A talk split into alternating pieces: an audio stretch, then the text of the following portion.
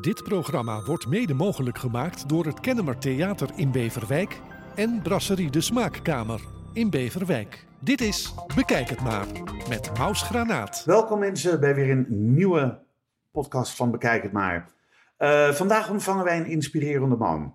Van oorsprong is hij orthopedagoog, maar ook dramadocent, lachdocent, lachcoach en tegenwoordig mag hij zich ook schrijver noemen. In 2018 heb ik hem leren kennen tijdens een lachsessie in Wijk aan Zee. Daaruit ontstond een interview voor de lokale omroep. En het verschijnen van zijn eerste boek, De kracht van uh, de lach, was voor mij een reden om deze man nog een keer uit te nodigen voor een gesprek. Graag stel ik u voor aan Maarten Vos. Maarten, welkom. Dank je, dank je Maus. Leuk, fijn dat je het bent. Uh, na een rondreis door Spanje, Andalusië, waar we elkaar bijna gekruist hebben, en de release van je boek, vraag ik eerst even aan je ben je nou helemaal zen? Hoe gaat het met je? Helemaal zen. nou, ik ben heel blij dat het boek er is. Ja? Ja, ik ben echt super. Heb je daar de twee jaar van corona voor gebruikt om uh, dit te realiseren? Ja, nou het bijzondere was, ik was twee jaar geleden ook in Spanje in de winter. Want mensen die mij goed kennen weten dat ik ook niet zo heel erg van de Nederlandse winter ben. Dus ik ga eigenlijk al, sinds ik geen vaste baan meer heb, ga ik vaak in de winter een beetje naar de zon. En toen was ik in een dorpje in Competa in, uh, in Andalusië. Toen was het ook een week slecht weer en ik had mijn laptop meegenomen. En ik heb eigenlijk in al die jaren, kijk, ik ben al in 2005 begonnen met actief uh, lachsessies te geven met lachyoga. Ik heb aan al die jaren wel eens wat opgeschreven. Vooral als ik een uh, workshop had gegeven en er gebeurden hele mooie dingen, dan schreef ik iets op. En ik dacht wel, ja, het zou wel mooi zijn, daar is iets meer mee te doen. Maar goed, dat kwam er niet van. En toen heb ik in die week, uh, ben ik eigenlijk alles een beetje bij elkaar gaan halen en gekeken. Ik dacht, nou, misschien kan het wel wat worden. En in die tijd werd ik geïnterviewd door, uh, door, een, uh, door een vrouw die journalist was bij het AD. En die interviewde mij over lachen in de winter voor bedrijven. Want het was Blue Monday hè, in januari. Ja. En zij schreef een heel leuk artikel. En nou ja, toen heb ik gevraagd, zou jij eens willen lezen wat ik, wat ik had? En uh, toen, dat heeft ze gedaan. En toen heeft zij mij eigenlijk uh, geholpen om, om het boek te schrijven. En ja, ik ben daar wel toch wel... Zij heeft het geredigeerd voor je? Ja, ze heeft ja. het geredigeerd. En, en ze heeft mij ook geïnterviewd bijvoorbeeld, want het was zo grappig. Ik heb ook natuurlijk een, een verhaal in het boek waarom ik dat ben gaan doen, wat er in mijn persoonlijk leven gebeurd is. En dat vond zij eigenlijk dus heel interessant. Terwijl ik dacht, nou, dat is wel, dat is wel genoeg. Uh, en zij vond het juist heel, uh, uh, heel, heel, heel mooi. Dus, dus ze heeft me ook geïnterviewd. En via haar ben ik ook bij uitgeverij Kompas terechtgekomen. En die hebben... Dat is ook de uitgeverij waar het ja. uiteindelijk is uitgegeven. Ja, ja. ja, en die waren, ja, toen waren we al wel een jaar verder trouwens. Want ik heb nou, ik heb misschien wel 25 versies van het boek. Ik weet niet of je dat kent, maar dan elke keer weer... Schrijven, herschrijven. Ja, ja, en dan weer dingen toevoegen en, en denken, ja, is het, is het goed genoeg of niet? En, ik heb het gelezen, het is goed genoeg. Oh, geloof! ja, maar ik ben best wel een twijfelaar ook. Ik ben een lacher, maar ik ben ook, ja, dat vind ik wel leuk om te horen ja, trouwens. Ja, ja, ja. ja, ik heb ook nog een paar, okay. dingetjes erin geplakt. Van, oh, leuk. Ja, dat, leuk. dat vond ik ook een heel leuk toegevoegd item. Lachen op alfabet, daar komen we straks nog okay. uitgebreid op terug. Ja. Um, Maarten, je hebt je moeder verloren op vrij jonge leeftijd. Je stiefmoeder, daar heb je behoorlijk wat probleempjes mee gehad, als ik me niet te voorzichtig uitdruk. Uh, dan ben je ook nog zwaar kerkelijk opgevoed. Worstelde je met het probleem om uit de kast te komen als homoseksueel. En verlies je ook nog je vriend Paul. Ja. Ik denk, dat is een rugzak waar een ander misschien nog niet de helft van krijgt in zijn hele leven. Ja. En jij had dat voor je, voor je dertigste. Ja, ja, inderdaad. En als ik dat zo opnoem, dan denk ik, my god, wat is dat veel. Ja, is ook zo, ja. ja. Hoe ben je daarmee omgegaan? Ja, hoe ben ik daarmee omgegaan? Dat, ja, het feit dat dus mijn moeder al uh, zo vroeg is overleden, dat heeft natuurlijk heel veel, heel veel invloed gehad op mij. Ik heb altijd het gevoel in mijn jeugd dat er eigenlijk een deel is geweest toen mijn moeder nog leefde en daarna. En kijk, mijn tweede moeder, die was heel anders. Was ook minder, ja, minder... Je noemt haar wel moeder. Ja, ik noem maar, ik noem maar altijd eerste moeder, tweede moeder. Ja, ja. terwijl we, ja, we hebben twee moeders gehad. Ja, maar terwijl het niet zo'n aardige moeder was. Nee, maar het is helemaal goed gekomen. Oh, het is goed gekomen, ja. oké. Nee, maar het is, nou, het is niet aardig. Kijk, je moet rekenen, wij waren met een gezin met zes kinderen, waarvan vijf jongens. En zij kwam bij ons in het gezin. Ze, had, ze woonde nog bij haar ouders notabene. Ze had helemaal geen ervaring. Je had zelf geen kinderen. Ze had zelf geen kinderen. Ze heeft later wel nog een kind gekregen. Dus mijn, mijn zusje Willy, die is later geboren. Dat was eh, een paar jaar nadat ze bij ons kwam. Maar zo kwam zij bij ons in het gezin. En ze moest eten maken, ze moest de was doen. Ze moest al die jongens die ook van alles uithaalden. Dus het was ook niet makkelijk. Nee. Maar ja, weet je, ik was gewoon kind. En dan, ja, het, het botste, omdat, eh, ja, ik mocht ook allerlei dingen niet. En zij wou, denk ik, omdat ik de ene jongste was, mij ook een beetje strak houden.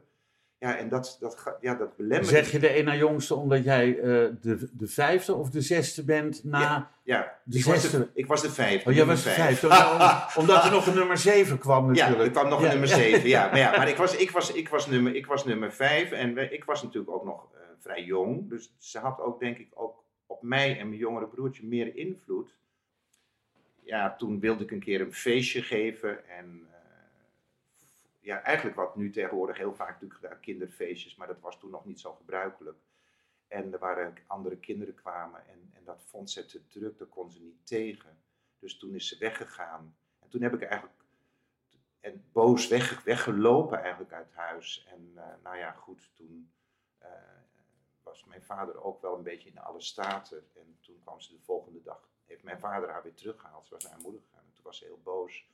En daar, ja, daar heb ik eigenlijk gewoon toch wel een klein traumaatje van gehad, eerlijk gezegd. Ja. Want ik was zo geschrokken en ik voelde me zo, zo ja, ja, geschoffeerd. Het is natuurlijk best wel, een kind is kwetsbaar. Hè? Heel kwetsbaar. Ja. Ja. Dat is echt wel zo. Ja. ja. Ik bedoel, je bent niet voor niks orthopedagoog geworden, Ja. denk ik ook. Ja, nee, maar dat is natuurlijk zo. En Ja. dat, merk je natuurlijk heel vaak. Kinderen zijn heel erg afhankelijk van, ook van de volwassenen. Ja. Nou ja, goed, dat is een, een, een langer verhaal. eh, en, eh, dus dat is moeilijk geweest. Dus ik wilde heel graag ook op een gegeven moment, toen, als ik kon, toch de deur uitgaan en gaan studeren. Maar ook dat was niet zo gebruikelijk. Want ze vonden bij ons dat de MULO was in die tijd, dat was wel genoeg. Van nou ja, je hebt MULO en dan ben je 16 en dan ga je werken en eh, je moet geld verdienen. En ik wou, dat, ik wou het niet, ik wou nog verder studeren. En ik dacht, als ik nou iets anders ga doen, dan kan ik misschien ergens anders wonen. Dus ik ben uiteindelijk naar de Sociale Academie gegaan, wat ook niet mocht. Maar uiteindelijk is dat goed gekomen, want uiteindelijk heeft mijn vader toch toestemming gegeven. En toen is het eigenlijk ook verbeterd. Maar ja, toen kwam een fase later, want ik was eigenlijk ook wel heel apart. In mijn puberteit heb ik altijd het gevoel gehad, heb ik nooit het gevoel gehad dat ik aangetrokken was tot mannen. Nooit. Nee. Nooit. Terwijl toch, de meeste homo's denken toch vaak al als ze al 10, 12, 14 zijn, dat ze dat eigenlijk al weten. Ik, ik heb dat nooit gevoeld. Dus bij mij is dat eigenlijk pas na mijn twintigste gekomen en eigenlijk pas rond mijn dertigste echt meer doorgezet. En eh, ja, dat was toen nog een nieuwe hobbel met mijn moeder en met mijn vader. Want ja, wij waren ook gereformeerd. Dus Ja, ik wou zeggen, na een zwaar christelijke opvoeding natuurlijk, eh, eh, kom je dan nog wel met een bommetje voor ze. ja, Ja. ja, ja. Uiteindelijk is dat ook goed gekomen. ja dat, Hebben dat, ze het geaccepteerd? Nou ja, dat, in eerste instantie niet, want toen, mijn, hè, mijn, mijn ouders waren toen 25 jaar getrouwd en toen mocht mijn vriend Paul, die ik toen had leren kennen, die was toen niet welkom op het feest. En eh, daar hebben we ook een enorme ruzie over gehad. Maar dat is later goed gekomen. En eh, nou ja, en, en het is eigenlijk ook zo dat toen Paul, toen ik, ik had Paul leren kennen, hè, dus mijn, mijn vorige vriend, ja. en die heb ik in 85 leren kennen. En die eh, hoorde ik in 91 dat hij seropositief was.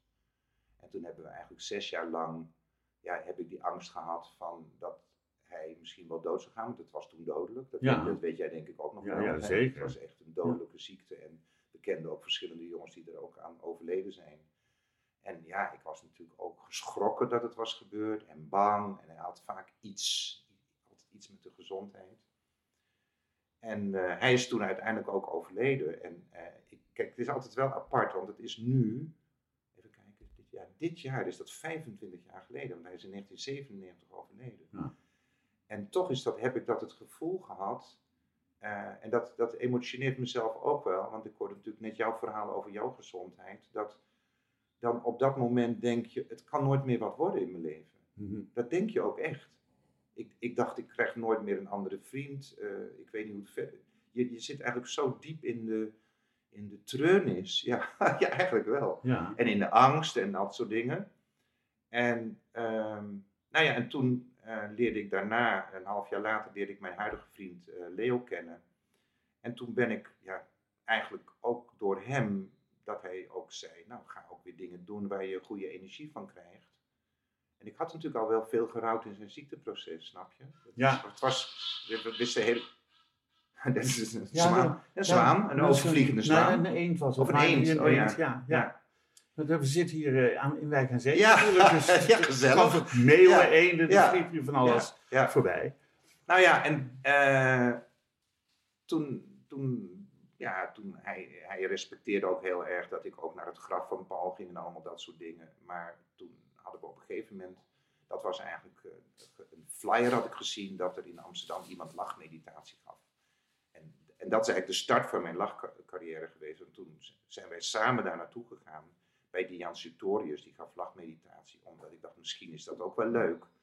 Ja. Nou ja, en dat is wel niet het begin van mijn carrière als lachcoach, maar wel mijn aanraking met op een andere manier met de lach omgaan. Hè? Want je, want je bent in 2005 naar België gegaan. Ja, Naar Madame Kataria. ja, Madame Kataria. Ja. Ja, Ja. In India, Indiaanse man. ja klopt. En eh, ehm, hoe, hoe kwam je, je zag eh, lachmeditatie. Toen dacht je, dat lijkt me, dat lijkt me wel wat.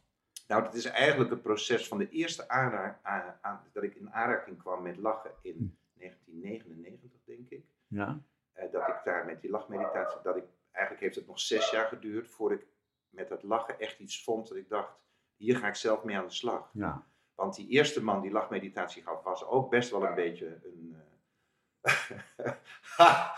Die zei tegen mij toen ik ging lachen: lachen je, je moet niet zo hard lachen. Nou, toen dacht ik: ja, ga ik, ga ik een keer lachen? Maar dat, ik heb natuurlijk een grote lach, man. Ja, je, hebt een, ja, je, Ja. je bent groot en je hebt een grote lach. Ja, ik niet, Ja. maar niet de hele tijd hoor. Maar, ja. maar hij is er wel en hij moet er ook af en toe uit. Ja. Ja, dus ik ga even achterover zitten om, het niet- om het een beetje te houden voor de mensen. Maar het is niet zo dat het. Maar ja, dat, dat heb, ik heb ook een grote stem. Ja. Ja, dat, dat, heb ik gewoon. Hè? Ja. En het is ook. Maar ik bedoel, die, dat moet je je voorstellen, als je enorm lacht, geeft dat ook een enorme ontlading van stress. Dat denk ik achteraf ook. Ja. Dat denk ik ook. En dat hij toen allemaal, ja, dit moest zus en dat moest zo. Dat, dat vond ik dus eigenlijk raar. Dat, je, dat er dan weer zoveel regeltjes komen. Dus. eh, Is, is lachen ook voor jou een eerste levensbehoefte geworden? ja. Ja. ja. Ook omdat je ervan leeft? Of, ja. nou, nou, kijk, ik, het is, het, ik leef daar niet alleen van. Ik verdien er ook wel mee, omdat het natuurlijk ook eh, mijn, mijn, mijn, mijn baan is geworden. Maar het is ook wel voor mezelf. ja. Ook wel voor mezelf. Nee, Ja, goed. Het is, Ja. het is niks beters dan dat het werk wat je doet, dat het jezelf ook goed doet. ja. Nee, en dat, dat is natuurlijk echt wel belangrijk. Ja, dat is het ook. Ja. Ehm, je hebt ook nog een, een eh, lachclub opgericht, de Lachclub Amsterdam. Bestaat dat nog? Ja. ja. Nog steeds? Ja, ja. Daar kan iedereen naartoe komen. Ja, En hoe vaak lachen we dan in Amsterdam? Nou, eh, dat doe ik nu eigenlijk één keer in de maand. Op de tweede zondag van de maand. Dan kan iedereen die dat wil, kan komen. En dan hebben we anderhalf uur. En dan gaan we lachoefeningen doen. We doen ademhalingsoefeningen. En eh, het is nu weer... Het is, oh nee, het is nu weer altijd de tweede zondag van de maand. Want maakt niet uit. Maar dat gaat eigenlijk... Dat doe ik al vanaf 2006. ja. En ik heb ook een tijd nog een avond gedaan, maar ik geef nu eh, ook online, elke dinsdagavond geef ik een lachsessie. Dat is eigenlijk in de tijd van corona begonnen. Vind je dat leuk? Ja, vind ik Online? ook leuk. Ja, vind ik ook Online leuk? Ja. Oké. Ja. Ja, ik vind live leuker. Ja, dat me ik vind het ook leuk om jou live nu te zien. wederzijds. ja. Eh, in 2007 ben je eh, een opleiding gestart bij de Amerikaanse eh lachtherapeute Annette Goodhart. Ja. In Denemarken heb je dat Ja. gedaan. Ja. Een internationale opleiding voor lachcoaching. Ja. Ik had het idee niet dat het bestond. Een internationale opleiding voor lachcoach. Ja. En, eh, maar kun je iets vertellen over wat, wat doet een lachcoach en waar kan het bij helpen of waar kan het eh, juist eh, goed voor zijn? Ja, eh, kijk, bij, bij lachcoaching is dat je eigenlijk de lach als centraal element inzet in allerlei dingen die er ook, die er ook spelen in het leven. En op het moment, eigenlijk is het heel simpel, als je kunt lachen met de dingen van het leven, dan relativeert dat ook de dingen. Dat is eigenlijk een hele grote kunst. En ik heb natuurlijk twee, twee grote masters gehad, zou je kunnen zeggen, in het lachen. Dat is Kataria, die zegt, uh, je, we, we lachen eigenlijk voor onze gezondheid. We lachen zonder reden. En dat is in het Westen een ding wat ik eigenlijk elke sessie die ik geef, moet ik dat eigenlijk uitleggen. Want mensen denken eigenlijk over het algemeen, je lacht als je blij bent. Je lacht om een grap. En dat is het eigenlijk. Ja. dat is eigenlijk. En ik denk daar heel anders over, want wij zeggen eigenlijk met Kataria, we lachen zonder reden. Dus ook al gebeuren er moeilijke dingen in het leven, hè, we proberen toch juist die lach te brengen, omdat die lach brengt je een, geeft je een hele goede energie. Ja. Die voorkomt bijvoorbeeld dat je vanuit verlies of verdriet in depressie komt, denk ik echt. Want dat kan gebeuren. Hè. Of dat je bijvoorbeeld, doordat je ziek bent en, en kanker hebt gehad, niet alleen maar kanker hebt, maar ook nog eens depressief wordt. Dat kan ook heel goed. En eh, ja, lachen. Kijk, mijzelf ook. Want jij zegt, is een levensbehoefte. Ja, ik denk als ik, als ik, als ik lach, dan geeft me dat gewoon een hele goede energie. Eh, als ik met mensen lach en ik geef, geef zo'n lachsessie, dat maakt me gewoon heel erg. eh, ja, dat, dat, verbindt je ook heel erg met, met, met andere mensen. Dat is, dat is heel mooi. En als je echt mensen. eh, dat, je, dat je mensen krijgt die in hun, in hun vrijheid gaan lachen. Hè? Want heel veel mensen zijn natuurlijk ook niet vrij in hun lachen. Nou, dat, is, dat, is, dat vind ik fantastisch. Dat, Hm. dat maakt me echt, dat, dat- omdat je dan heel erg komt volgens mij op de kern die we allemaal zijn. Die kern die zit niet in ons hoofd, die zit in ons hart en in onze buik. Dat geloof ik echt. Ja. nou ja, ja, ik lach ook altijd een beetje, omdat ik ook niet te veel de professor wil uithangen. Maar ja, ja. dat doe je wel. Nee, hoor. ja. ja, ik zeg altijd al dus sprak dokter Anders Vos. Maar Ja. ik, ik, ik vind dat natuurlijk wel, maar ik wil het ook altijd een beetje relativeren. Dat, dat. Nou, dat, dat snap ik. Ehm, er zijn natuurlijk eh, een hele hoop uitdrukkingen ook over het lachen. Lachen is gezond. Een dag niet gelachen is een dag niet geleefd. Ik heb er een paar opgeschreven hoor. Mhm. Hij lacht als een boer die kiespijn heeft. Wie het laatst lacht, lacht het best. Het fortuin lacht hem toe. Ehm, laat me niet lachen. Eh, dat is kippetjes gepraat. De hanen lachen erom. Ken je die uitdrukking Nee, ook? Nee, de hanen lachen erom. Nou, dat is eh, voor onzinnige klets eigenlijk. Oh, Eh, Oh ja. ja, eh, hij lacht zich een deuk, hij lacht zich een bult. Ehm, lachen moet je leren. Schreien komt vanzelf. Dat vind, vond ik een. Wat, eh, huilen komt van schreien, Oh ja. komt vanzelf. Hij lacht als de duivel, als de duivel voor, de, voor, de, voor het gootgat. En dat is eigenlijk van, hij, is, hij kijkt heel lelijk. Ehm, hij lacht als de duivel voor het gootgat. Ha, Kende je die nog niet? Nee, nee. Nou, heb ik gelukkig Leuk, ja, je hebt best wel veel nieuwe dingen. Want ik al heb dus eh dokter ja. Anders eens- leuk. Nee, maar goed, Leuk, ja, leuk. gewoon opgezocht. Ja, Maar ehm, eh, je bent ook lach-yoga-trainer eh, of yoga-coach. Ik weet niet hoe je het Nee, moet noemen. ja. En bevoegd ook om mensen op te leiden tot eh, Lach-yoga lach-yoga-begeleider. ja. Wat, wat, wat, ga je, wat ga je die mensen leren? Ik ken hatma-yoga, gewone yoga en eh, die warmte-yoga en, en weet ik veel wat dan. Maar lach-yoga heb ik niet eerder van gehoord. Nee, het is natuurlijk ook relatief onbekend. Eh, maar kijk, lach kijk, bij yoga gaat het toch altijd een beetje om de verbinding tussen hoofd en hart, zou je kunnen zeggen. Hè? Dat je eigenlijk balans brengt in je leven. En daar zijn allerlei manieren van yoga voor. Als je lacht, dan eh, ja, geeft dat natuurlijk heel veel gezondheidsvoordelen. Maar het brengt je eigenlijk ook in verbinding dat je eigenlijk je denken ook meer loslaat. En je komt eigenlijk ook wat meer, ja, ik zeg altijd in je, in je kern, in je hart en in je buik. En eh, omdat we lachoefeningen doen, maar we doen ook ademhalingsoefeningen. Maar we, we, het is wel een hele vrije manier van yoga. Ik vind het eigenlijk, ja, ik vind heel veel eh, sporten ook, ja, ik vind het belangrijk dat iets echt leuk is ook. Dat je, dat je er plezier in hebt. Dat je niet denkt, oh, de zware oefeningen zo. Weet je, we, we gaan niet enorm rekken en strekken. Weet je, iedereen kan meedoen bij lachyoga. Ja, ja. Als iemand ongezond is of niet goed kan lopen, dan zeg ik ga zitten en dan, gaan we, dan doen we. Hè, de lach kan altijd, die kan altijd. Ik heb een meneer gehad, die had een beroerte gehad, die zat op een stoel. Maar ik zei, nou, als je je armen nog kan bewegen, dan, dan beweeg je je armen. En probeer een beetje lachgeluid te maken. En dat brengt altijd goede energie. Dat brengt, Ja. dus iedereen, iedereen kan mee, je hoeft niet echt, eh, weet je. Ik heb ook een vrouw gehad, dat kan ik me nog herinneren, bij een beurs, die lag op een bed. Die was helemaal verlamd. Verlamd. Maar die kon lachen. Ik zie het nog voor me. En ik dacht, goh, die mevrouw werd door een vrijwilligster in haar bed gebracht. En ik dacht, oké, dat is de eerste keer dat ik iemand echt helemaal in bed... Ze kon volgens mij alleen haar hoofd bewegen. En, eh, maar ze kon lachen. Maar dan moet je je voorstellen dat je dat kunt. Ja? Je kan ook denken, wat heb je nog te lachen? Hè? als je Dus- zo bent. als je zo bent, Ja, want, ja, wat heb je nog te lachen? En dan toch dat dat mensen zo'n enorme levensvreugde geeft. Dat is, dat is, dat is, ja, dat is fantastisch. Ben je de enige lachcoach in Nederland? Nee, ik ben niet de enige lachcoach. Er zijn meerdere mensen die, die dat doen. Ik ben wel een van de bekenderen. Hè? Ja. Ik, ben, ik ben wel een van de bekenderen. Ik doe het natuurlijk ook al lang. Hè? Ik doe het al Je lacht al 2000. lang. Ik, ja, ik lach al lang. ik zeg wel eens tegen mensen van, heeft u wel eens gelachen? Ja, natuurlijk hebben ze dat. Maar als je dan echt een sessie gaat doen, dan hebben mensen, krijgen mensen toch ook altijd een beetje een soort stress, snap je? Ja. Want iedereen lacht wel eens. Alleen als je erover na gaat denken of het bewust gaat doen, dan kan dat ook weer allerlei dingen, ja, allerlei barrières oproepen van, ja, kan ik het wel of hoe doe ik het of allemaal dat soort dingen. Ja. Ja. Dat, nou ja, goed. Ehm, kun je leven van, kun je, kun je van het lachen leven, wou ik eigenlijk vragen. Nou, eh, kijk, ik heb ook nog andere inkomsten, laat ik het zo zeggen. Dus ik hoef daar niet helemaal van te leven. Dat Maar vind bij ik, alle inkomsten met elkaar, daar kun je dan Ja, van leven en daar hoort het lachen bij. daar hoort het lachen bij. Ja. En, en ik vind het ook wel heel fijn, want anders dan zou ik misschien gewoon heel veel moeten doen om maar dat, dat, dat geld binnen te halen. Ik kijk ook altijd hoeveel sessies geef ik.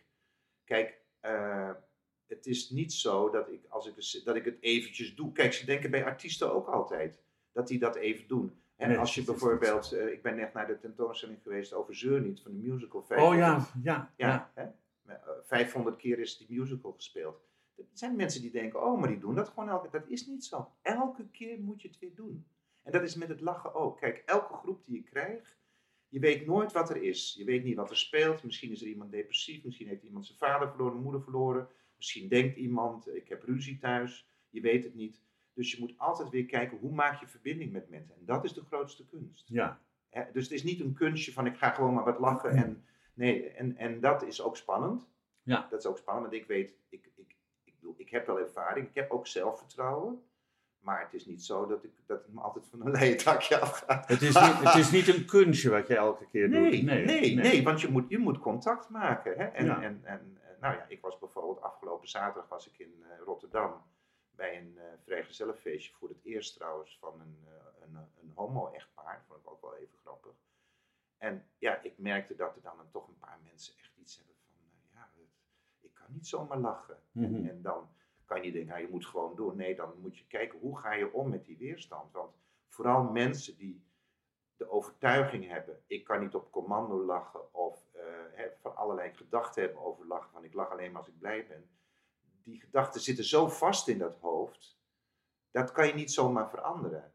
Dus dan moet je een manier zoeken om dat toch een beetje los te maken. Ja. En te kijken, ga, ga het eens proberen en uh, kijken wat je kan doen. Want, want de filosofie die ik natuurlijk heb, is dat je eigenlijk niet alleen maar lacht omdat je blij bent, maar je lacht ook om contact te maken, je lacht om de spanning, te on, als een ontlading. Lachen heeft veel meer, veel meer functies. Ja. En, dat, dat, en, en wat wij ook hebben, dat we zeggen, we lachen niet zozeer om een grap, maar we brengen gewoon de lach op gang. En dat, is, dat vind ik dus ook echt belangrijk, want kijk, het is niet zozeer dat ik niet van grapjes hou, ik hou wel van grapjes, maar het, de, de, de, de gedachte is vaak, iets, iemand vertelt een grapje, je denkt dat is leuk en je gaat lachen. Maar er zijn heel veel grappen zijn niet leuk. Of vind jij niet leuk? Of ik vind ze niet leuk. Ja, ja, Heb ook. jij misschien ja, wel. En dan ga je toch maar meelachen, omdat de groep is heel erg belangrijk. Ja, Eh, dus, uh, dus, maar dat gaat eigenlijk altijd via denken. En wij zeggen, wij brengen de lach op gang. Dus niet zozeer via denken. Je hebt eigenlijk gewoon bij wijze van spreken je hersens niet eens nodig. Alleen maar de wil om te lachen. En op het moment dat ik ga lachen en ik ga zeggen ha ha ha ha. Nou, dan is er nog geen echte lach. is dat niet zo? Nee, dan kijk als ik doe ha ha ha ha ha. Ja. ha, ha, ha, ha, ha. Bijvoorbeeld, nou, iemand gaat in de... Maar zijn er mensen die zo lachen? Ha, Ja, want dit, bijvoorbeeld, ik ga lekker niet meedoen. Oh ja. Ja. Ah. Ja, dat, dat ja, is, ja, want oké. dat is dus bijvoorbeeld mensen die niet mee. En dan zie je dus, dan je zo, ah. Maar kijk, als je, ah, dat blijft eigenlijk een beetje in je keel zitten. Dat zit eigenlijk, voel maar, het zit een beetje in het bovenste deel, boven je borst. Ah, Ah. ja, ja, ja, ik voel hem. Maar als, je, maar als je dus gaat lachen, dan schiet hij naar je buik. Dan schiet hij, dan schiet hij, dan schiet Ja, Ja, dat klopt. Ja, dat, dat voel je. Ja, dat voel je, dan gaat hij, dan gaat hij bewegen. Gaat hij schudden. Ja, gaat hij schudden. Tenminste, als Ja. je een schudbuik hebt. Nou, nee, maar goed, hij gaat schudden en je gaat in beweging. Want dat is ook heel interessant, dat het lichaam eh, eigenlijk helemaal in beweging komt door de lach. Ja. En eh, daarom, daarom doen wij, gaan wij niet zitten met een lachsessie. Ja, nee, we gaan juist lopen en bewegen, zodat, zodat je ja, eigenlijk een hele fysieke manier van lachen. Dat is eigenlijk, dat ik, dat is eigenlijk wat we doen, zodat je, wij soms met de lachclub beginnen we ook met dansen, om even het lichaam ook lekker in beweging te brengen. Ja. Hè, snap je? Hebben humor en lachen naast elkaar gelegen of zijn het twee totaal verschillende dingen? Ja, het zijn echt verschillende dingen. Vertel. Ja. Eh, lachen is eigenlijk iets eh, wat we allemaal kunnen, wat we allemaal kunnen doen. En, en humor, dat is eigenlijk iets wat aangeleerd is. Dat je denkt, iets is grappig. En dat is, is ook heel erg aan cultuur gebonden. En Nederlanders hebben bijvoorbeeld heel erg dat ze vaak dingen overdreven vinden. Dat vinden veel Nederlanders, vinden dingen Mhm. overdreven en overdrijven. En stel je niet zo aan, maar dat is echt typisch Nederlands. En ook, iets moet grappig zijn en dan kun je lachen. Maar eh, er zijn, kijk, eh, dat, dat zegt Annette Goodhart ook bijvoorbeeld. Lachen is ook vaak een, een wapen, want ten eerste heb je de, degene die de grappen vertelt, die wil vaak aandacht. Dus je hebt degene die vertelt de grappen en dan de rest moet lachen. Meestal zijn het mannen die de grappen vertellen, de vrouwen die moeten lachen. Nou, dat is toch ook wel echt een traditioneel Dat is niet meer zo. Nou, dat is We hebben toch ook. Brigitte Kaandorp Ja, zeker. en Claudia zeker, de Brij. en- Zeker, zeker. Nou ja, ik zeg Nee. Lennart van Dongen. Er zijn natuurlijk Ja, heel tuurlijk, veel vrouwen die tuurlijk, eh, dat Nee, maar gewoon ja, in de artiesten. Maar ik Ja. bedoel ook al in het gewone leven, in de bedrijven enzovoort. Moet je maar eens opletten. Het zijn altijd veel meer de mannen. En de vrouwen hebben, houden veel meer ook vaak hun lach in. Moet je ook Dat is waar. Nee, dat, Ja, is, dat, ja, is, dat is zo, ja. ja. Dus, dus lachen, lachen kan. En, en er zijn natuurlijk grappen die te maken hebben met discriminatie. Nou, kijk nu de hele discussie over, over Voetbal Insight met alle vreselijk flauwe grappen. Ja, Echt Nou, waar, je, waar de honden geen brood van lusten. ja. En waar dan die, waar die dan als, als een scha nou dat is, dat is een verschrikkelijke manier. En wat wij doen, wij, brengen, wij, wij gaan niet allemaal, allemaal grappen maken, we gaan gewoon, we, gaan, we beginnen gewoon met een lach. en omdat je, omdat je samen lacht en je kijkt naar elkaar, want kijk, als ik met jou contact maak, Ja. hè, en ik zie jou ook, en ik zie jouw lach, dan wordt onze lach groter. En Is dat waar? ja, dat is echt zo. Ja, dat is echt zo. Want moet je maar voorstellen, iemand die heel streng naar jou kijkt, bijvoorbeeld een leerkracht of iemand die zegt, je doet niet goed, dan, dan hou je je in. Want je denkt, oh, dit is niet goed. Ja. Maar kun je samen lachen, dat geeft ook veiligheid, dat geeft vertrouwen. Er is ook altijd gezegd, lachen doen mensen vooral ook in een omgeving waar ze zich veilig voelen. Dus veiligheid is echt een... ja, dan word ik nu Je even vurig, maar dat is wel je, wordt, je, wordt hier, je voelt je hier vrij dus. Ja, ik voel Ja. me vrij. Ja, Ja, ik voel me vrij. Want ik vind dat jij goed wel naar mij luistert en probeert Ja. te begrijpen wat ik, eh, wat ik vertel. Maar je probeert ook je eigen gedachten daarin te vormen, toch? Zeker. Leuk. Eh, begin april is je boek eh, De kracht van je lach verschenen, gereleased, zoals dat tegenwoordig heet, met een mooi Nederlands woord. Ja. Ehm, voordat, je, eh, voordat we daarover gaan hebben, wil ik eh, een paar persoonlijke vragen stellen. Als je zegt, Maus, dat gaat je niks aan, dan eh, moet je dat ook maar gewoon zeggen. ik ben benieuwd wat er komt. ben je benieuwd wat er komt? Ja. Nou, ehm, is er een compliment wat je ooit gekregen hebt, wat je altijd is bijgebleven? Over het lachen? Nou, een compliment gewoon. Niet speciaal dat ik van een, maar wel dat mensen zeggen dat ik altijd goede sfeer kan maken. En dat ik, eh, ja, dat ik heel erg eh, mezelf ben. Dat, ik heel, dat, dat, is, dat is wat ik wel heel vaak hoor. En Dat, dat, hoor ik, dat vind ik ook fijn. Ja. Ja, nou Ja. oké. Ja. Ehm, waar heb je zelf in je leven het hardst om moeten lachen? om moeten lachen. Nou, ik moet je zeggen, je had het net over Brigitte Kaandorp en die was met Jenny Arian in Ja. Carré. Ja, Nou, ik, heb, ik vond het heerlijk. Ja, ik- kijk, ik vind Brigitte Kaandorp vind ik dus heel leuk. ja, Ja, waarom? Omdat zij bijvoorbeeld, zij vertelt over het afscheid van, en ze heeft een lied over het afscheid van haar zoon toen hij naar Zuid-Amerika ging. Nou, Ja. ik heb ook een zoon, die is ook ooit naar Zuid-Amerika, dus dat herken ik. Dus zij brengt ook dingen die heel herkenbaar zijn. En eh, ja, weet je, dat zij dan vertelt dat ze eigenlijk over de grond wil kruipen. Ja, ga niet weg alsjeblieft, oh, ik mis je, oh. En dat ze dan zegt, eh, nou, stuur je wel een briefje. Dus dat ze dan eigenlijk laat zien dat wij ons niet zo mogen uiten. Ja, weet je, en dat ze daar dan zo'n prachtig lied over maakt. Ja, ik vond het. Nou, en ik vind haar sowieso ik vind haar dus heel leuk. Ja. Ja, ik vind haar heel leuk. En ook. En Jenny Arian. En Jenny Arian, kijk, Jenny kan gewoon heel mooi zingen. Ja. En eh, Jenny heeft natuurlijk dat lied ook van, hoe heet die, Ome Karel die begraven wordt op de, in, eh, in het café. Hoe heet? Oh ja, eh, de begrafenis van uh, Omenelis. Omenelis. Ja. Mankenelis. Manken- ja. ja. Oh, dat vind ik ook zo. Ja, dat is ook geweldig. Zo'n mooi lied. Maar ze ook- brengt het ook geweldig. Maar, ook dat lied wat zij zingt in die show over, eh, over lach. Eigenlijk is dan toch ook een beetje dat ik mezelf daarin herken. Omdat zij ook door op te treden, krijgt zij zo'n goede energie. Bijna 80 jaar, hè? Ja, maar, ja, Ja. precies. Maar Ja. weet je, dat, dat, dat is ook dat ik denk, ja, maar weet je, zij, zij zegt ook wel, toen ze niet optrad, dan voelt ze zich ook een beetje somber. En dan denk ze, ja, ja, dat is ook best wel eerlijk in. Ja. En zij komt helemaal tot leven. En dat, dat heb ik natuurlijk ook. En ik denk altijd, als je dingen doet waar je echt blij van wordt, ja, ja dan, dan blijf je eeuwig jong. Nou, is, Toch, is, is ook zo, ja. ja. ja. Eh, is er een karaktertrek in jou waarmee je een ander tot wanhoop kunt drijven, of niet? Nou, als ik bijvoorbeeld erg lang blijf doorpraten over iets, bijvoorbeeld bij mijn vriend, dat ik er gewoon niet stop met van, dat ik iets vind of zo, dan, eh, ja, dan heb Jullie je zijn niet getrouwd. Want Ja, je- ja, we zijn wel Oh, getrouwd. ja, ja. Je hebt het over je vriend, Ja, maar dan is het toch je man? ja, maar ik zeg altijd mijn vriend. Oh. Maar het is, ja, mijn man, ik kijk, ja, nee, ik, ik vind, dat hoef ik niet. Nee, het is mijn vriend, maar ik ben wel getrouwd, ja. Het is wel mijn man, Ja. maar ook mijn vriend. Ik ben ook gelukkig, gelukkig. Maar bijvoorbeeld dat ik dan te lang praat over iets, dan, dan heeft hij zoiets van, nou, punt. En dat snap ik ook wel, van, eh, dan kan je ook iemand lang praten. Dat, dat is niet goed. Kijk, ik ben natuurlijk ook van het praten. Ik kom ook natuurlijk uit de GGZ. Ik heb, ja, dus veel Orthopedagoog. orthopedagoog, veel praten. Maar Ja. ik snap ook, het is soms ook goed om een punt te zetten. Te zeggen, laten we even lachen, dames en heren. Wat is, even je, een beetje ontspanning. wat is je grootste onzekerheid?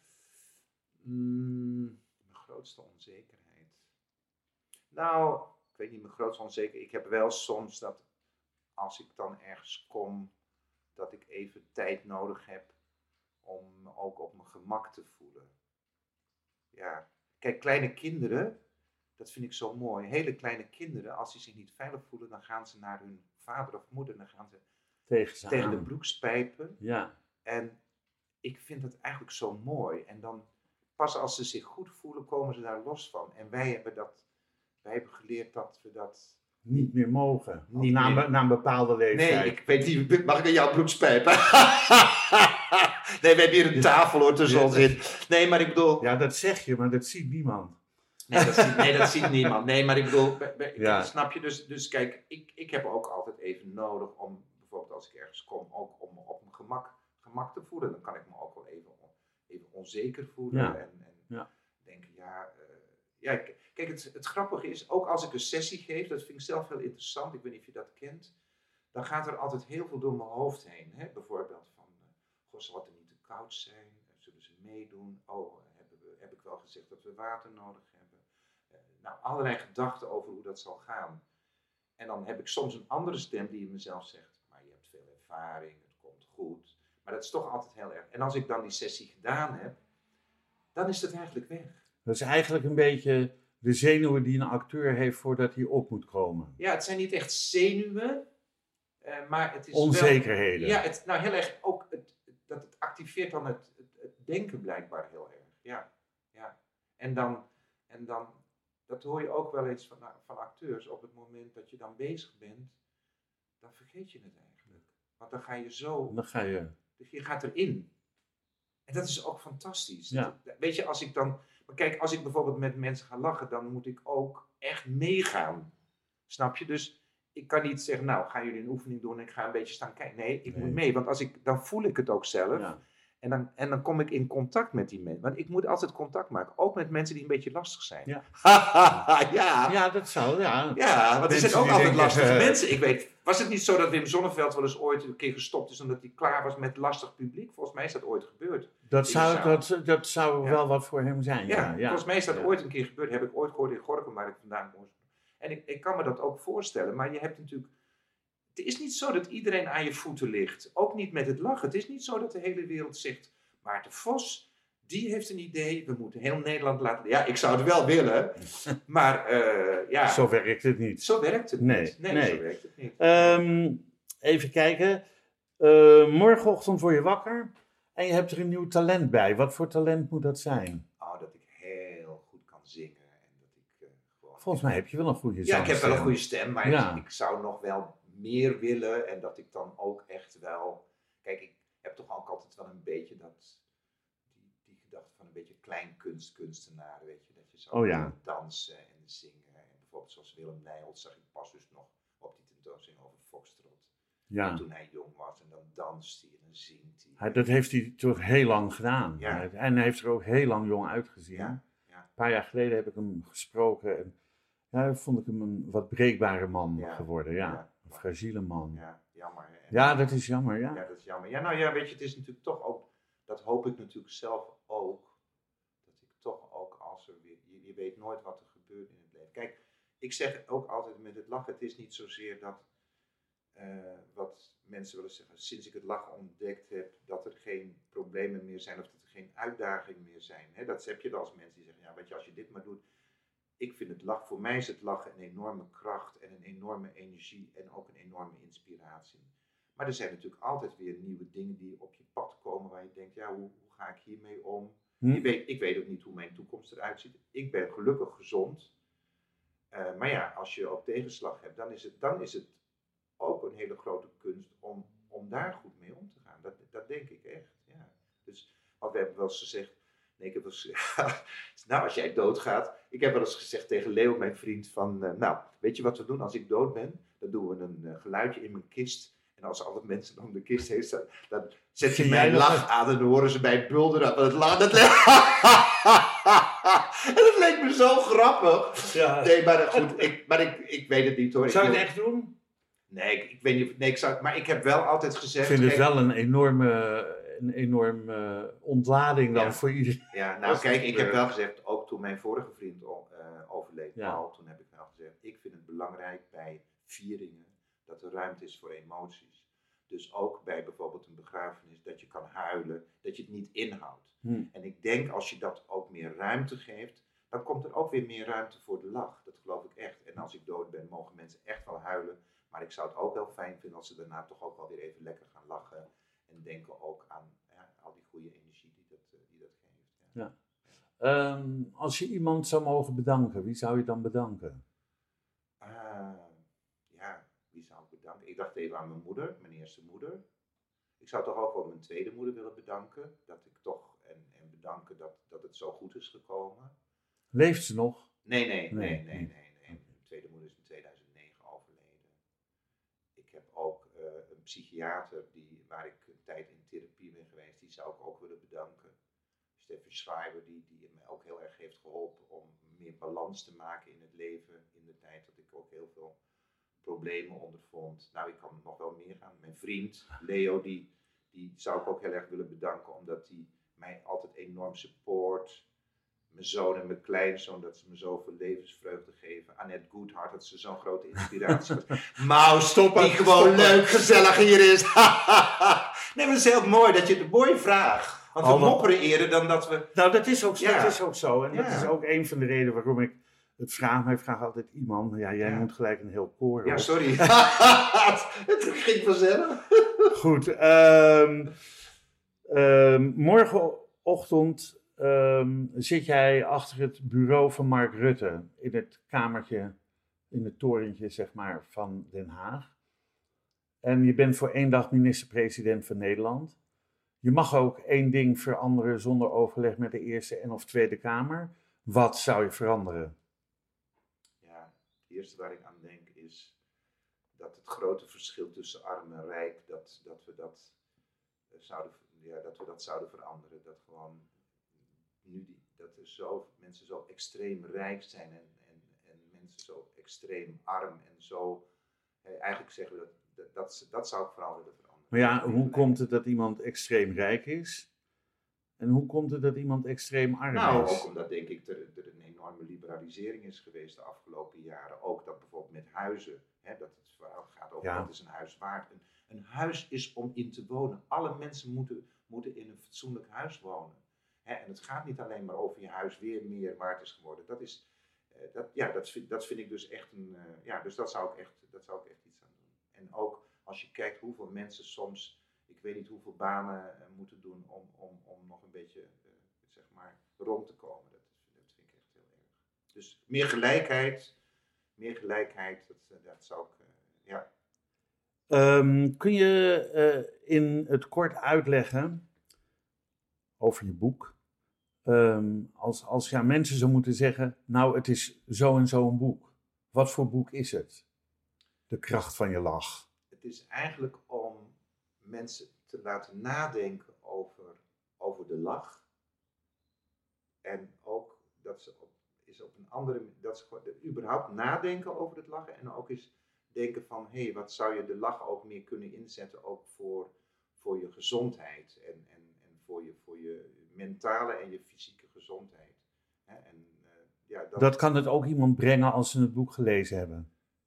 Ja, kijk, er zijn natuurlijk een heleboel mensen die meer gewoon de ervaring moeten opdoen. Kijk, mensen lezen niet zoveel meer tegenwoordig. Mensen kijken allemaal naar filmpjes hè, en, en, en Ja. doen dingen. Nee, dat is zo. Dat is ook zo, ja. dat- dus dat is ook wel weer moeilijk met een boek. Maar goed, ik, ik, ik wilde natuurlijk toch een beetje mijn visie ge- gewoon proberen goed te omschrijven. En eh, het is niet zozeer een boek dat, je, dat het een oefenboek is om te lachen, maar wel op een andere manier naar het lachen te kijken. Er zitten ook gewoon allerlei kleine oefeningetjes in die, eh, die ook nog weer eh, met, met een plaatje ver, verlevendigd zijn. En dan kun je ook nog weer met QR-code, komt er nog weer een filmpje, dus dat kan je ook nog weer even helpen. Dat vind ik zo- Heb je dat gezien of niet? Ja, ja, Ja, ja heel veel mensen zien dat niet Nee, eens. nee. Ik heb ze wel gezien Oh, hoor. ja? Ja, ja, kijk, Ja, hier heb je er ja, één. ja, precies. Ja, Ja.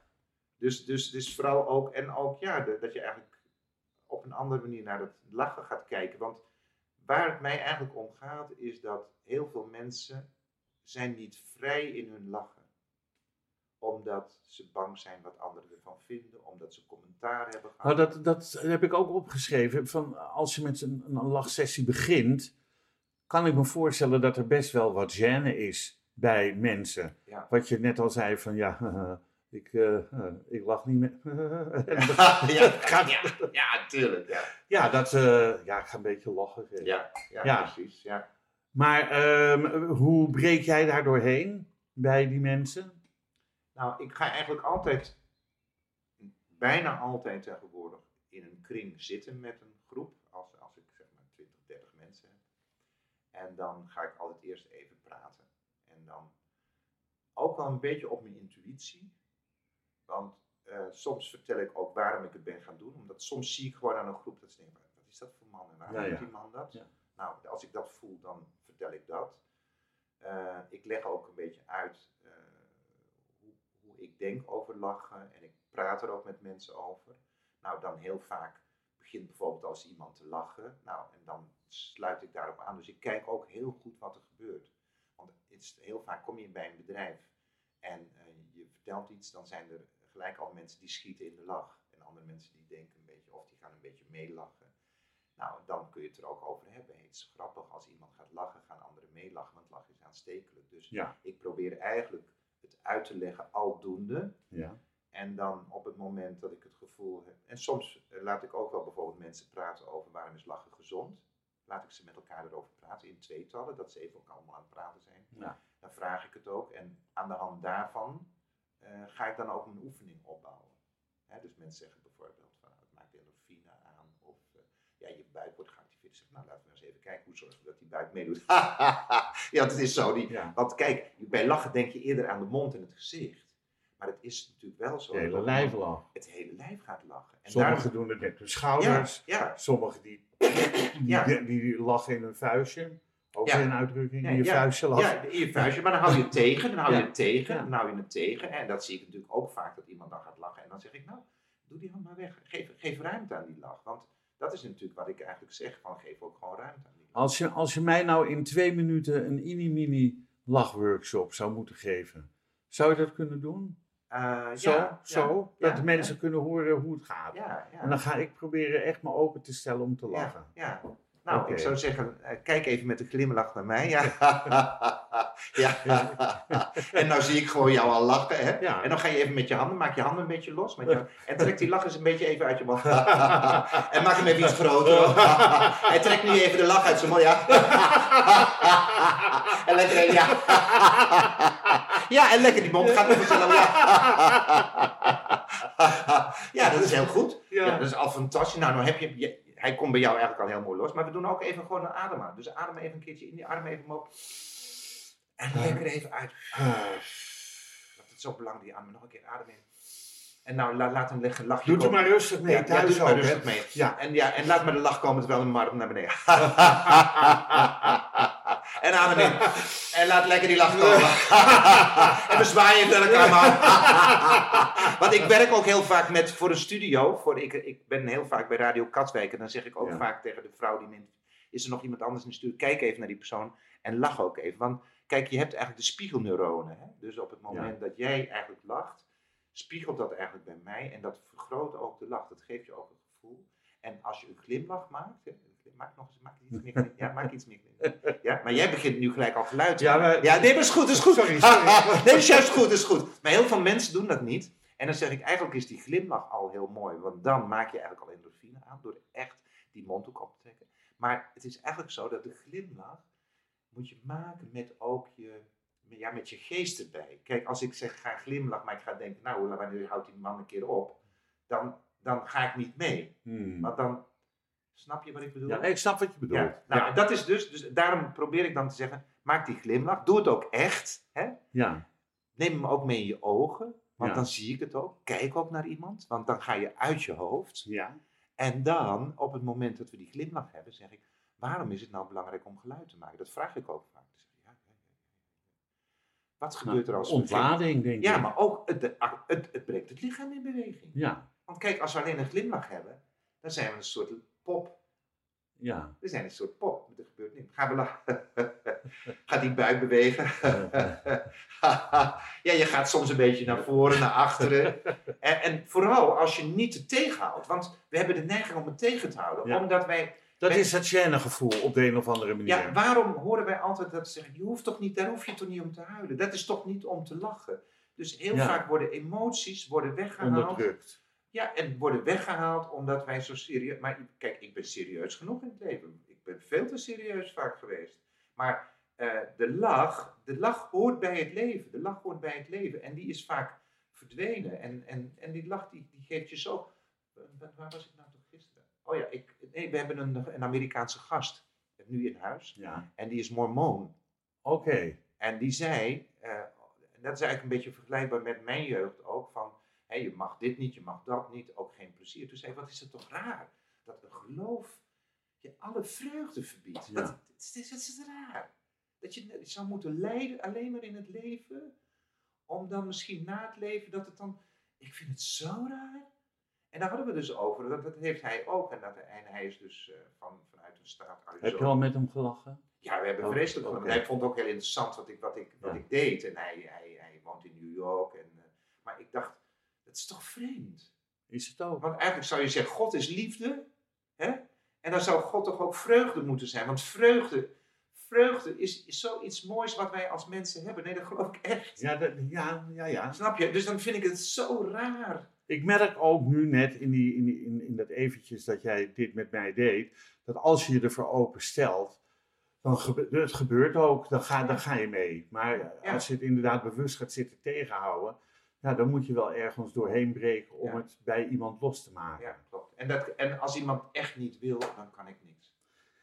Ehm, in je boek beschrijf je ook het lachen van A tot Z. Twee voorbeelden ervan. Ik heb ze, ik heb ze eventjes, ehm, ik heb ze eventjes onder, onder dinges. Ehm, de bevrieslach, kun je die uitleggen? Ja, dus je gaat gewoon lekker bewegen. en dan zeg ik stop, dan blijf je even in die houding staan. En dan ga je weer los. Dus het is net als op toneel een tableau vivant. Ja, dat ja, is het eigenlijk eigenlijk. tableau vivant. En Ja. je gaat lekker in beweging. Ja, Oké. Ja, dat is eigenlijk de bevrieslag. Ehm, en de gibberislach. Of Gibberish, gibberish. Gibberish is eigenlijk onzintaal. Hè? Dat is een kaartje. Morgen, kitja, matje, milatje, maar ja, kaartje bij je charlie met je matje. Ja, charlie, bij je, maar kan je met. Je, je praat eigenlijk onzin, dus je hebt eigenlijk niet je, je hersenen nodig en dat geeft een enorme ontspanning. Ah, jij bent het zo aan de kant aan. Ciao, oké, met Je is zo'n praktijk, laat zo vaak. Atje, Ja, zie je wel. Als je Corrie met je begrijpt weer. Ja, je oké, matje, hem. verder, verder, atora. En het, ik wou je nog even zeggen, ik deed dat ook wel eens met klassen. Ja, En ik heb in Amsterdam met klassen met allerlei nationaliteiten gewerkt. ja. En dan zei ik tegen die kinderen: Katje maar meer, kan niet meer. En toen zag ze, hij praat Marokkaans. Nee, hij praat Turks. Nee, hij praat. En dan dachten ze: wat, wat praat u meester? Wat praat je? Maar ik kan niet, maar. Want je kan natuurlijk een beetje een accent maken wat Ja. een beetje Scandinavisch lijkt, of een beetje Chinees. Of, Ja, ja, Het is heel grappig. Het, is, ook, het brengt ook de speelsheid heel Ik erg snap in beweging. Hè? Ja, leuk, want dat is dus ook wat er, je, je boek is verdeeld in een aantal, eh, een aantal eh, eh, hoe moet je dat zeggen, compartimenten van, van soorten lachen. en daar zit ook een lach ABC Ja. zit erbij. Hartstikke leuk. Ja. Je, doet, eh, je doet ook lachyoga voor kinderen. Kun je uitleggen wat dat, eh, bij, bij wat voor kinderen en wat voor vorm kies je dan? Want het lijkt me ook eh, dat het een beetje moet passen bij de problematiek van een kind. Mhm. En hoe ga je dan te werk en wat, wat geeft het dat kind? Ja, ik heb Dat zijn wel zes vragen in één maar- vraag, nee, maar, snap je Ik- snapt het. Ik, heb, ik heb een aantal jaren geleden heb ik heel veel groepen gedaan met kinderen. En ik, wat ik toen deed was altijd een cyclus van vier tot zes keer. Om het ook een klein beetje op te bouwen. Dat doe ik met volwassenen niet. En eh, bij kinderen is bijvoorbeeld heel belangrijk om eerst het gesprek te hebben over wanneer is lachen fijn en wanneer is lachen niet fijn. Omdat zij leren functioneren in een groep en naarmate kinderen ouder worden, eh, worden ze ook banger of ze wel mee- meetellen in de groep. En met name kinderen zijn heel erg bang om uitgelachen te worden. Dus als je uitgelachen wordt, dat is niet fijn. Dat is vaak iets. En daar praat ik vaak over. Dus wij gaan niet uitlachen, hè, van je gaat een fout maken en dan lach je daarom. Maar we gaan samen lachen. Dus dat is bijvoorbeeld een belangrijk ding. Ja. En eh, wat ik ook, eh, ja, ik heb een heleboel dingen geleerd. Wat ik ook heb gemerkt, dat bijvoorbeeld kinderen ook heel lang kunnen neplachen. Dus die kunnen ook heel erg doen. Ah. Oh, je zegt ook moet lachen. Ah. Ah. En dan zeg ik, heb ik met die kinderen geleerd, van de neplach, maak van de neplach een echte lach. Want eigenlijk is de neplach is een Die zit een beetje in je keel, die, die maakt geen verbinding met je lichaam.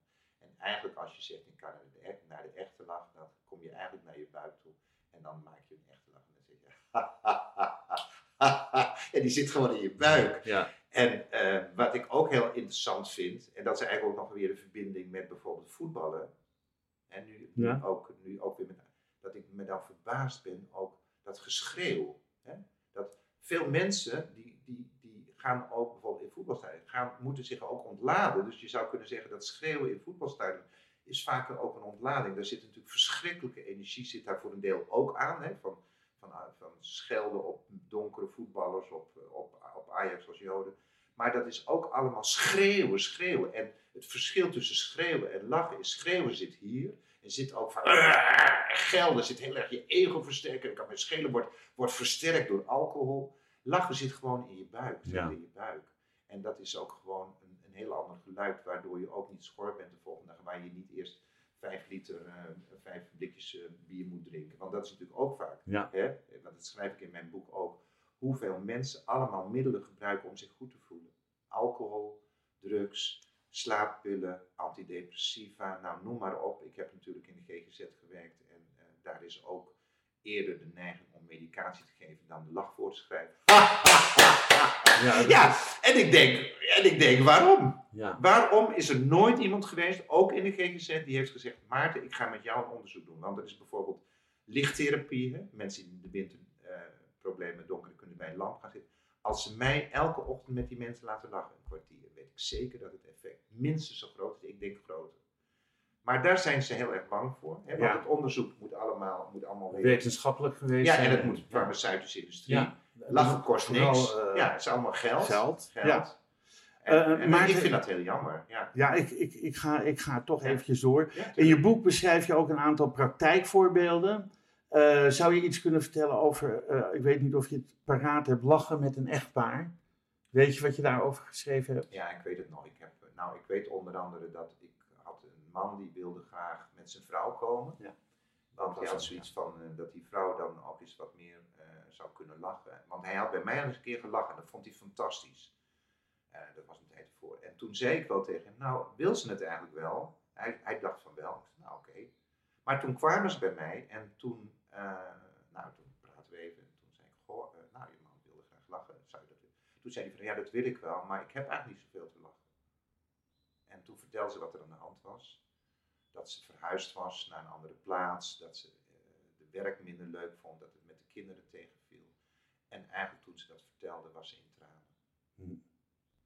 En toen dacht ik, ja, ik snap het wel. En toen zei ik, ja, maar waar word je dan wel gelukkig van? En toen vertelde ze wat ze dan leuk vond. En toen liet ik haar dat doen. En toen kwam ze eigenlijk in haar, haar mooie kant. Dat was, zo, dat was zo mooi om dat te zien. Maar mooi is dat om, om die omwenteling te maken met iemand. Ja, en kijk, Annette Goodhart zegt heel vaak: Kijk, het is ook goed om te huilen, maar dat is een moeilijk onderwerp. Het is een moeilijk onderwerp, ook als je lachcoach bent. Maar eh, huilen, zeker als er iets is waar je echt heel veel verdriet over hebt, is het heel goed om te huilen. Ja. Want dat geeft een ontlading. Hè? Dus op een begrafenis hoef je niet te gaan lachen. Omdat die, nee, je mag gewoon verdrietig zijn. Maar als je echt ruimte geeft voor je verdriet, is het ook goed om daarna ook weer ruimte te geven voor het leven. Dat, Precies. geloof, hè, dat, Ja. dat, Ja. Geloof, dat Ja. geloof ik echt. En dat vond ik ook zo mooi toen bij, met dat echtpaar. Dat, dat doordat er ruimte was voor haar verdriet, kwam ze ook weer bij de lach. En wat ook heel mooi was, toen ging ik ook daarna met die man aan de slag. Want het ging eigenlijk allemaal over zijn vrouw. Maar toen bleek dat hij ook een burn-out had gehad, wat hij mij niet verteld had. ja, ja. en eh, toen ging hij lachen en die man die kon lachen. En voor die vrouw was het zo fijn om Ja. hem een keer zo lachend te zien. Ja. Dus dat verbond, maar kijk, mensen zijn verschillend. Dat gaf verbinding naar elkaar, naar, de- Oh, naar het echtpaar ja. toe. Ja, en dat was, en, en dat was natuurlijk voor mij, ja, ik weet niet. Kijk, ik, ben, ik ga geen tien sessies doen en allemaal vragen. Nee. Ik ga gewoon vrij snel aan de slag. En ik probeer ook daarbij dingen te doen. Dus niet alleen maar praten, maar we gaan ook kijken wat er gebeurt. En we gaan ook bewegen. En het was, ja, het, het was voor mij ook een, een zo'n mooie sessie. Maar, ja, Ook dat is te lezen in je boek, ja, in ieder geval. ja, is Waar is je boek te koop? Nou, mijn boek is te koop. eh, in ieder geval, ik verkoop het zelf. Dus als je denkt, ik wil een gesigneerd exemplaar, dan kun je mij gewoon een mailtje sturen. En dan stuur ik je met een mooie tekst stuur ik het je op. Je kan het ook bij de uitgeverij krijgen. Het is moeilijk, want kijk, ik ben wel bij de radio geweest, maar nog niet bijvoorbeeld in een, in een programma op televisie. Dus, dus het moet eigenlijk nog bekender worden. Tijd voor Max, dat eh Ja, binnenkort in. Nou, ik hoop het. Ik hoop Ja, het. Of wat dan ook, dat dat gewoon nog komt. Heb je een website? Ja, lachcoachamsterdam.nl. Daar kun je alles op zien. En daar kun je ook zien wanneer ik sessies geef online of wanneer de lachclub is. Ook informatie als je voor je bedrijf een keertje wil lachen. Want dat is natuurlijk ook goed. Hè? Ja. Bedrijven die denken, het is leuk om wat meer aan teambuilding te doen. Een positieve sfeer, eh, wat dan ook. Dat is, is altijd heel erg leuk om te doen. En alle informatie is ook op je site Ja, te lezen. Prijzen staan erop. Staan er ook prijzen op. Het ja. is, eh, Ik ben niet de goedkoopste, maar ik ben wel de leukste. Nou, ik vind het een hele, een hele mooie afsluiter. Ja. Maarten Vos, ik wil je ontzettend bedanken voor je komst naar eh, Wijk aan Zee. En het vertellen over je boek en over je leven. Deze podcast wordt uitgegeven door de Vrijstaat Roots. Alles is na te lezen op www.bekijkhetmaar.com. Bedankt voor het luisteren en wat mij betreft heel graag tot de volgende podcast. Dit programma werd mede mogelijk gemaakt door het Kennemer Theater in Beverwijk en Brasserie de Smaakkamer in Beverwijk.